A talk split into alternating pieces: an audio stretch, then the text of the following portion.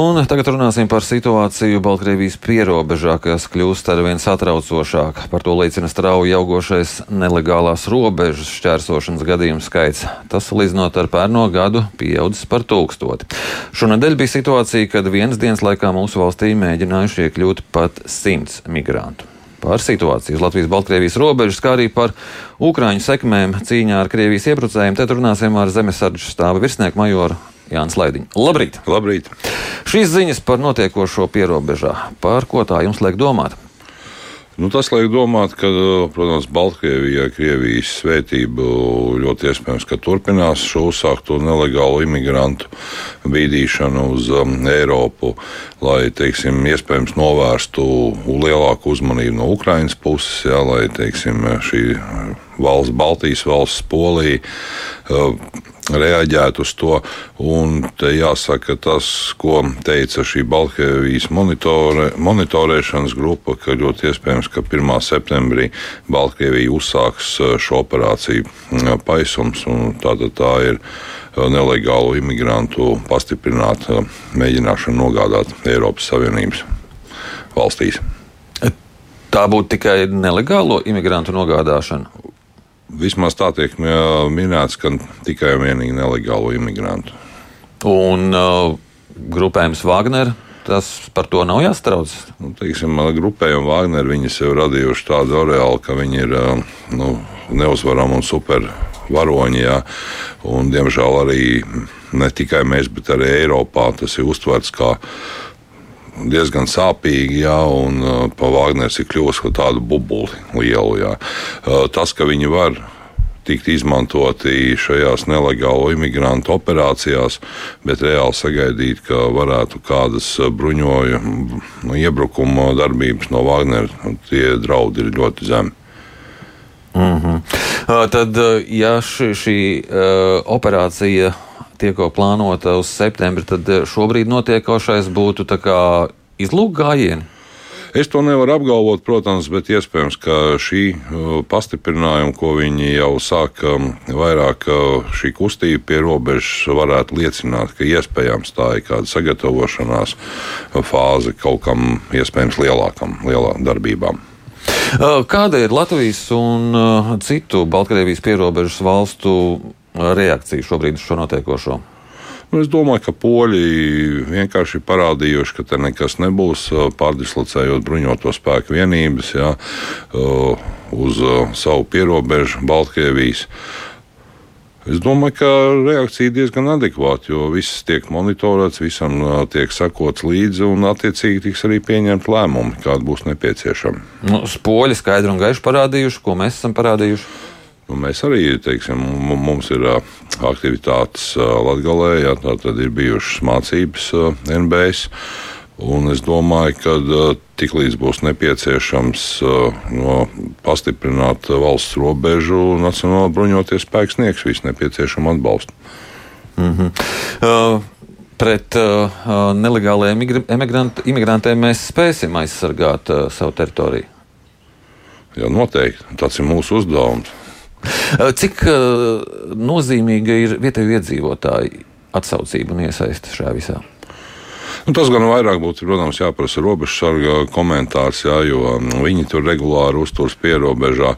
Bet cik man bijuši teiksim, saskara vietējiem iedzīvotājiem, Nu, viņi, viņi ir gatavi atbalstīt, protams, un arī viņi interesēs būtu dzīvot drošā pierobežas teritorijā. Mhm. Jūs sakat, ka Wagner grupējumu kaujinieku mēģinājums pāršķērsot robežu ir maz ticams, bet ik pa laikam tomēr izskan dažādas spekulācijas par to, vai tas varētu būt vai nevarētu būt.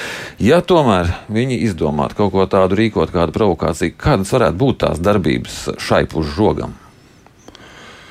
Jā, nu, tā šīm provokācijām, protams, nu, varētu mēģināt iekļūt uh, Latvijas teritorijā, bet jautājums, ko viņš šeit darīs.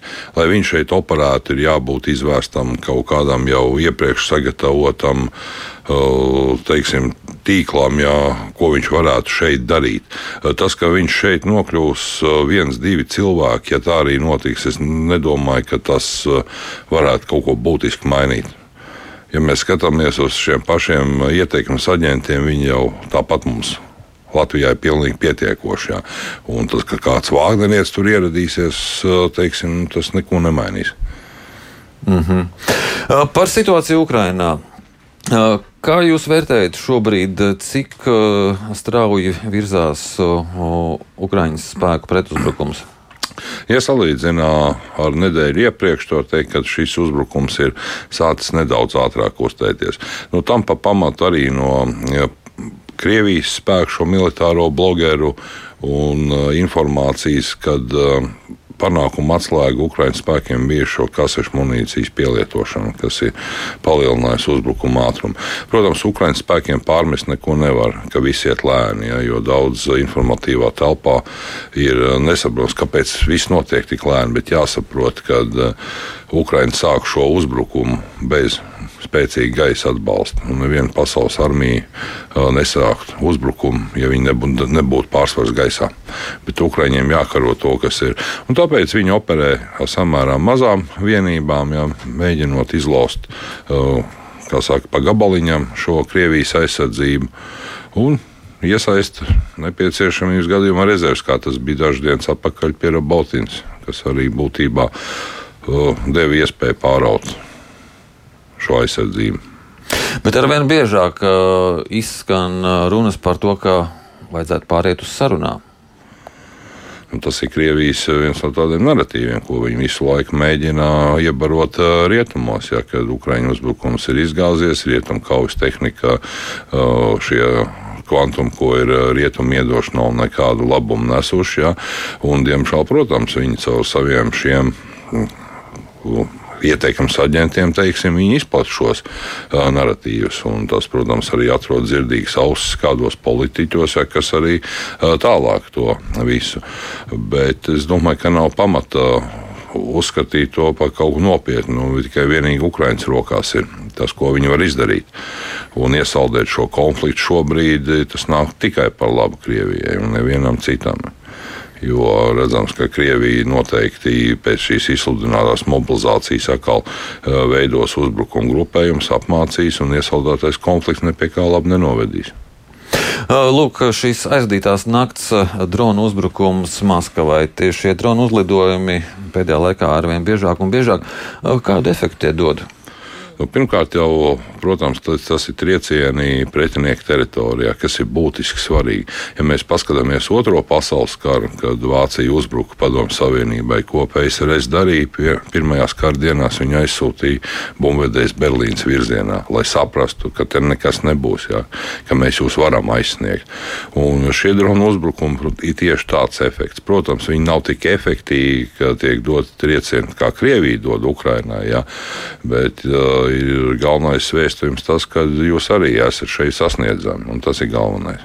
Nu, šobrīd tas varētu salīdzināt tāds odu kodienas. Šobrīd jā. Bet, uh, lai cilvēki beidzot apzinās, jā, kad arī karš ir ienācis Krievijas teritorijā, tas ir galvenais vēstījums. Bet uh, Ukraiņiem ir resursi, lai šo pastiprinātu? Es domāju, pēc viņa paša sniegtās informācijas viņi kļūs ar vien biežāki un kvalitatīvāki. Mhm. Kā šobrīd ir ar pretgaisa aizsardzības sistēmām Ukrainai? Tad vakar bija ziņas, ka Ukraina saņems jaunu. Cik viņi efektīvi spēj šobrīd aizsargāt sevi? Jā, nu redzam, ka uh, gada laikā Ukraiņas pēdgaisa aizsardzība ir būtiski pieaudzējusi savu spējas, un bez tās nebūtu iespējams atvairīt uzbrukums uh, galvaspilsētai, ja, Kijavai un vēl vairākiem svarīgiem reģioniem. Bet, jebkurā gadījumā, viņa ir vēl joprojām pa maz ņemot vērā, cik liela ir Ukraiņas teritorija. Un, protams, arī Krievi sekot tam līdzi, mēģina noteikt vājās vietas, un uh, ik pa brīdiem arī viņiem tas izdodas. Un tas, ka Ukraiņai nebūs šie F-16 aviācija, aviācija. Uh, nu, jā, Ukraiņi prasa, ja mums nebūs, mums vajag stiprināt pretgaisa aizsardzību. Kāpēc jūs sakat, ka nebūs? Kā jau šogad. Šogad. Šogad, ja veids runa par nākamo gadu. Aviāciju. Bet tas ir pilnīgi skaidrs, tur, ka tikai nākamajā gadā. Skaidrs būs tad, kad mēs viņus redzēsim, ka viņi tiešām ir. Jā. Bet tas ir tāpat perip, kā tankiem bija. Jā, arī, kā saka, informatīvā telpa bija pilna, būs, nebūs, cik daudz. Un tad pēkšņi ir. Un tad pēkšņi ir, jā. Tā kā pateikt tiešām simtprocentīgi, ka šogad nebūs, arī nevar. Jā. Jā, liels paldies jums par šo sarunu. Mēs runājām ar Zemesardu štāba virsnieku majoru Jāni Slaidiņu. Paldies!